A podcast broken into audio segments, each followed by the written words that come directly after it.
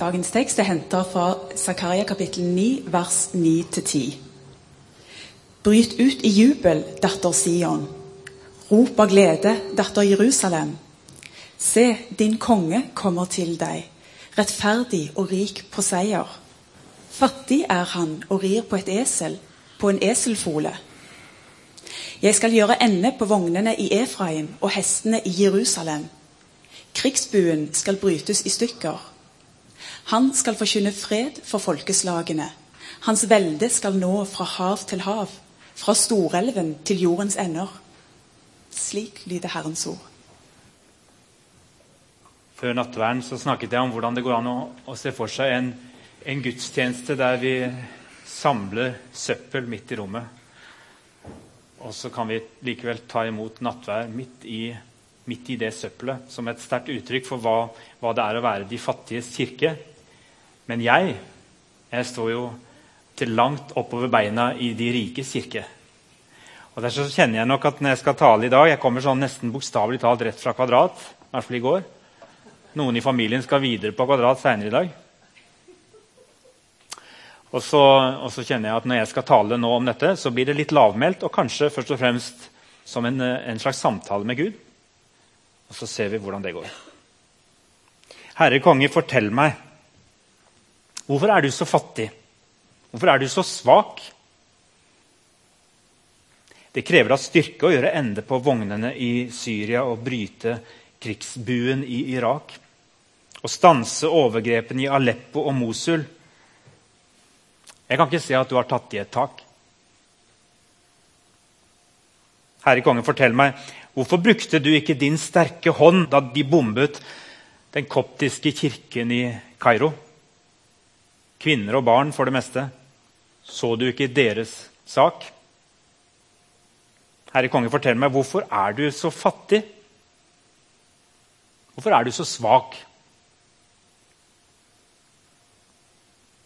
Se, din konge kommer til deg, rettferdig og rik på seier. Fattig er han og rir på et esel, på en eselfole. Jeg skal gjøre ende på vognene i Efraim og hestene i Jerusalem.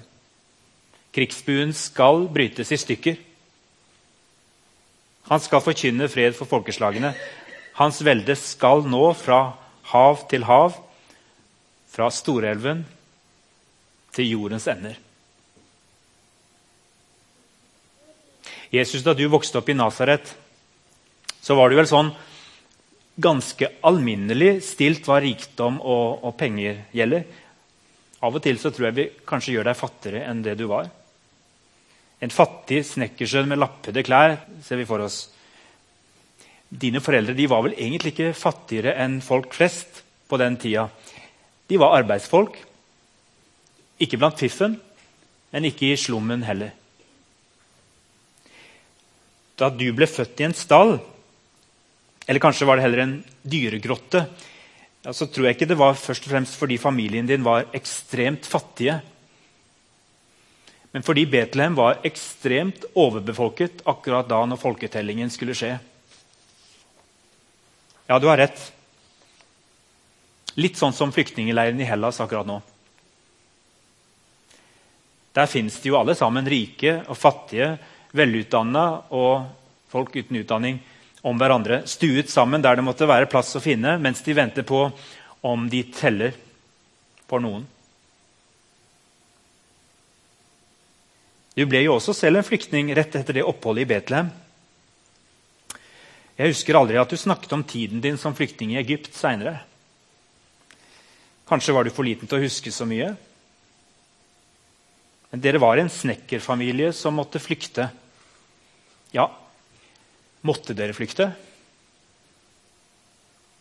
Var ikke det bare å, å forskyve problemet på en måte? Nei, unnskyld, det var bare en tanke som slo meg.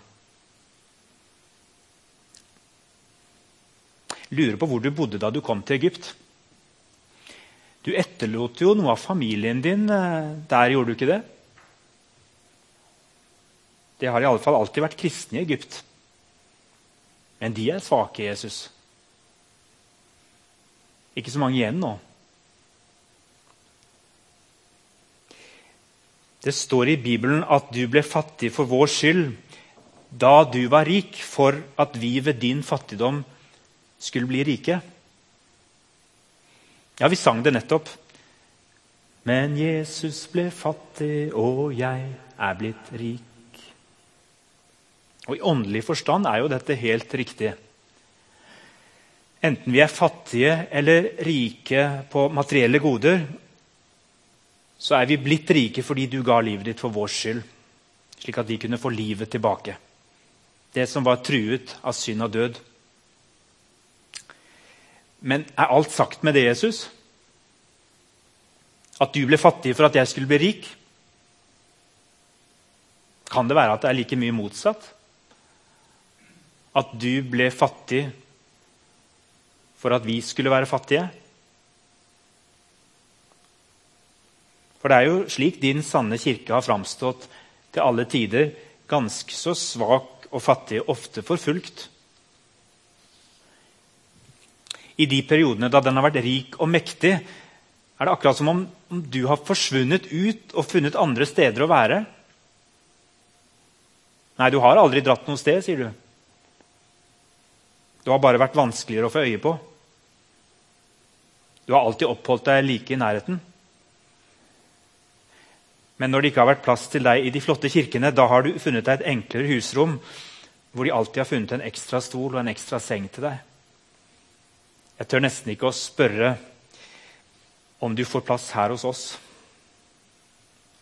Er vi kristne i Norge rike og mektige i verden, eller er vi fattige og svake? Bli med meg og møt min mor i Egypt, sier du. Min mor. Lytt til noen av de som er igjen i vår familie der. Ja, Mener du mamma Maggie, som bor i Egypt, og som vi i bymenigheten støtter gjennom vårt misjonsprosjekt? Kanskje kan fortellingen om mamma Maggie i alle fall kortversjonen, være et slags svar på mine krevende og umulige spørsmål i begynnelsen da jeg spurte hvorfor brukte du ikke din sterke hånd da de bombet den koptiske kirken i Kairo? Kvinner og barn for det meste. Så du ikke deres sak? Hvorfor er du så fattig og svak? Maggie Gobran hun vokste opp i et eh, overklassehjem i Kairo. Og hun skulle bli partner i et velrenommert firma. I stedet ble hun alle fattige slumbarnas mamma Maggie. Sammen med 1700 heltidsansatte og frivillige sørger hun i dag for at tusenvis av fattige barn og familiene deres i Egypt får helsesjekk, mat og skoletilbud. Mange av de 1700 har tidligere vært barn som har fått hjelp gjennom prosjektene, og som i voksen alder kommer tilbake kanskje ett år og hjelper til. Noen blir for alltid. Det var Gud som ledet meg til disse barna, sier mamma Maggie. Da jeg holdt de små og sårete hendene deres med stanken av råttent søppel i nesen, så ble jeg sønderknust av sorg. Jeg, jeg tenker på hvor bortkastet livet mitt kunne ha blitt hvis jeg ikke hadde truffet dem. Hun var 39 år, lykkelig, gift med Ibrahim. Det er hun fortsatt. Hun har to barn. Hun hadde ingen økonomiske bekymringer. Jobbet som lærer på det prestisjetunge amerikanske universitetet i Kairo.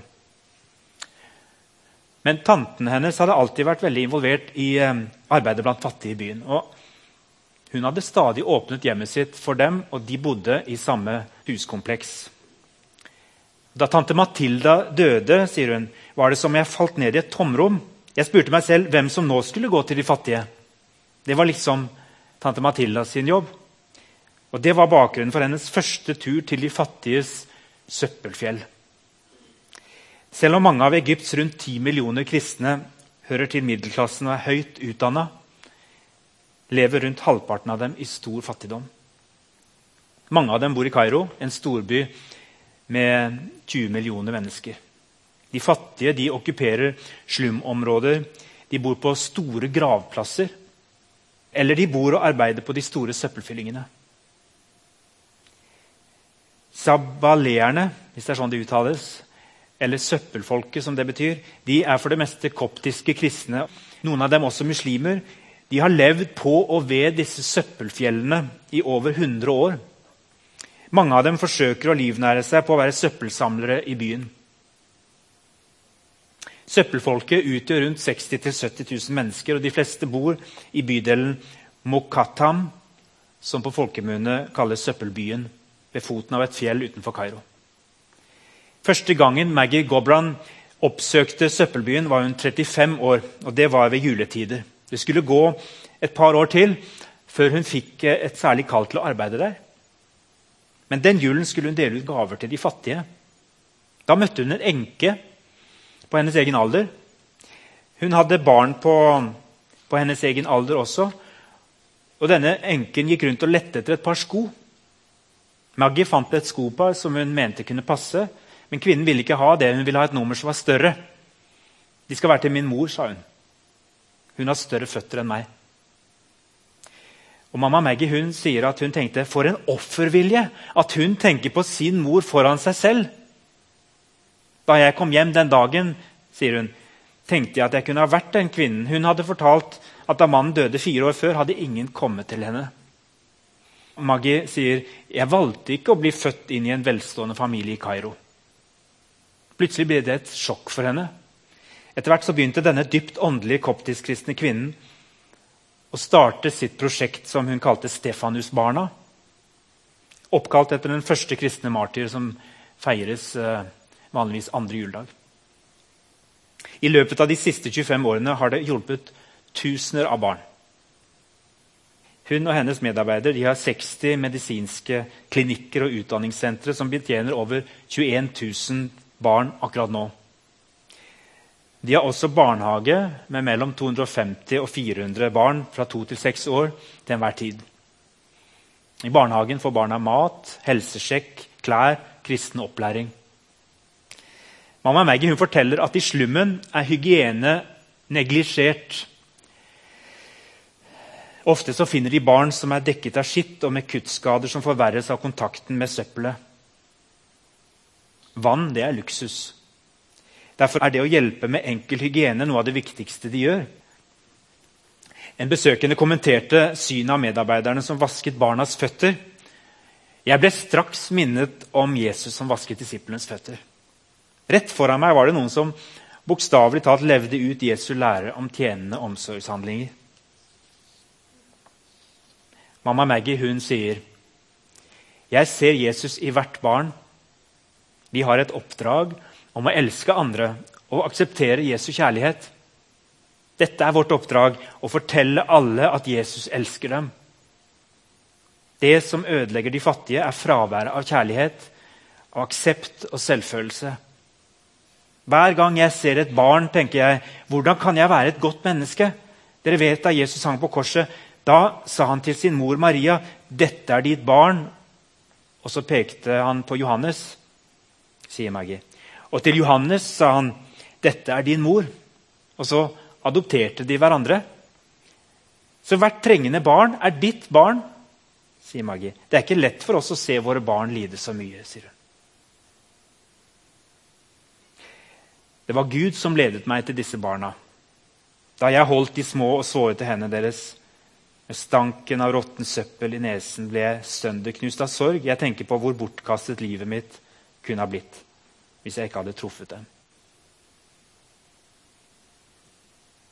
Selv sier også mamma Maggie at hun henter inspirasjon fra Jesu egen mor. Husker dere Marias lovsang i Lukas 1? Min sjel opphøyer Herren, og min ånd fryder seg i Gud, min frelser.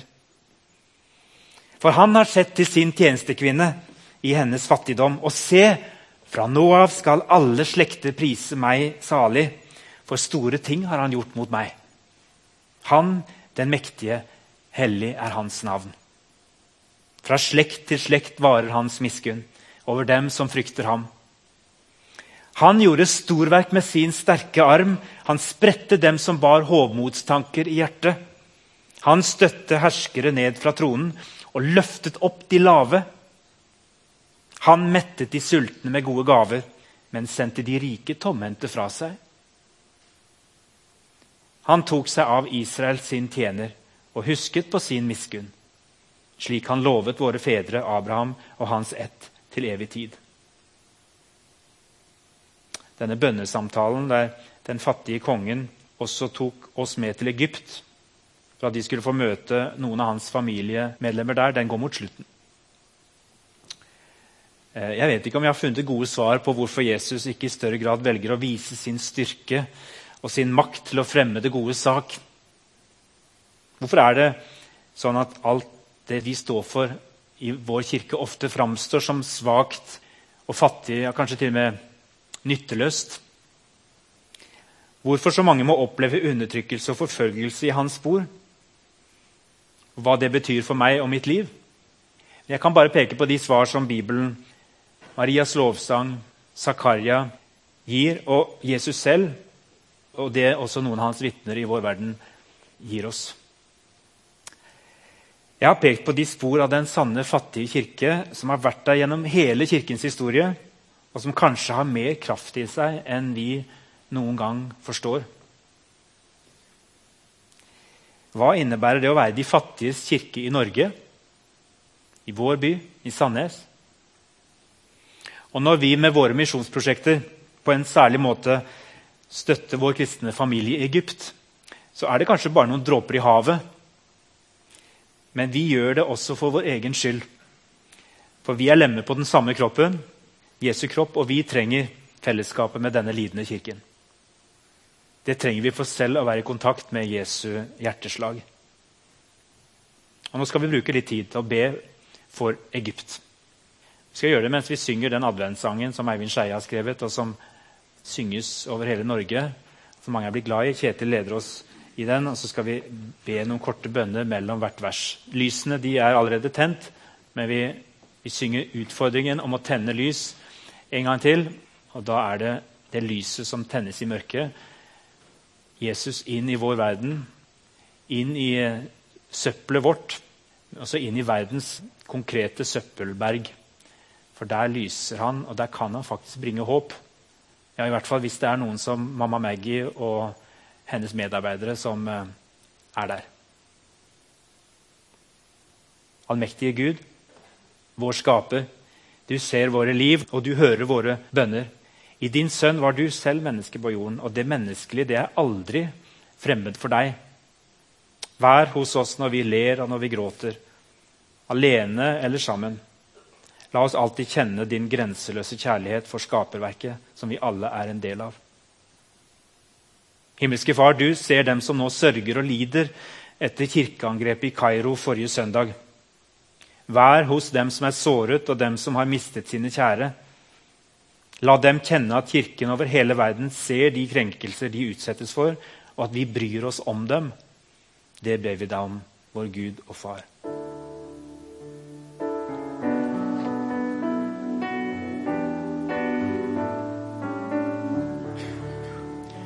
Tenn lys, et lys skal brenne for denne lille jord.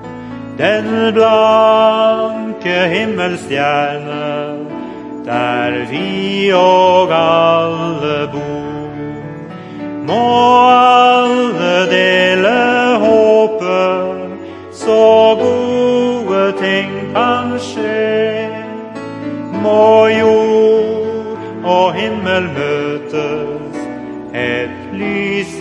tent for det. Du som er fredsfyrste, vi ber om at alle gode krefter i Egypt skal arbeide sammen. Gi kraft til dem som kjemper for frihet med fredelige midler. Gi klokskap og innsikt til dem som har makt og våpen. Hjelp alle til å avstå fra voldsbruk så ikke flere liv skal gå tapt, må voldsmenn holdes ansvarlig for sine ugjerninger. Du som er barnas beskytter, vi ber for hvert eneste barn i Egypt. Vern dem fra skader både i sjelen og på kroppen. Kom med trøst til de små som nå er redde for framtiden. Som barn på jorden ble du jaget på flukt og fant trygghet i Egypt. Gi trygghet og omsorg til alle barn i Egypt i dag. I Jesu Kristi navn. Tenn lys, to lys skal skinne for kjærlighet og tro. For dem som viser omsorg og alltid bygger bro. Må fanger få sin frihet og flyktninger et hjem. Lys for dem som gråter, og dem som trøster dem. Livets Gud, vi ber om at kristne i Egypt skal slippe å leve i frykt. Ingen skal bli satt utenfor fellesskapet pga. sin tro. Må du åpenbare en vei som Egypts innbyggere kan vandre sammen, uavhengig av religion og makt. Hvert menneske er en dyrebar skatt for deg. Hjelp oss så vi aldri glemmer dette. Forsoningens Gud, vi ber om at det egyptiske folk skal få leve i et samfunn bygget på rettferdighet, likeverd og tillit. La landets innbyggere kjenne seg verdsatt og deres rettigheter bli respektert. Hvert eneste menneske bærer på et bilde av deg. Vær nær når gudsbildet krenkes. I Den hellige ånds navn ber vi.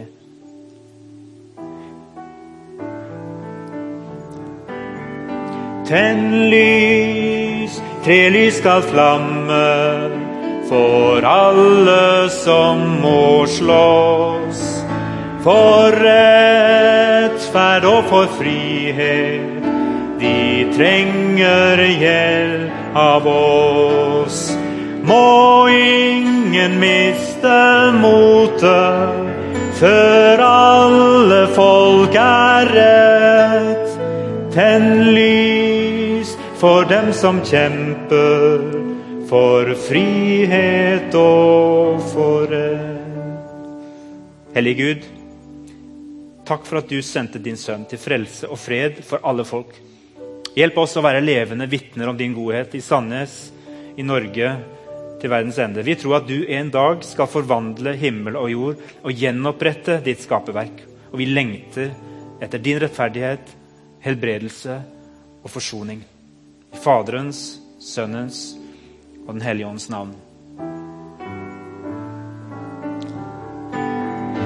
Tenn lys, nå stråler alle de fire lys for ham.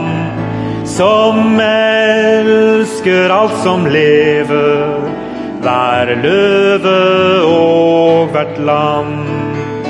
Tenn lys for himmelkongen, som gjeter flokken så. Nå møtes jord og himmel i barnelagt på strå.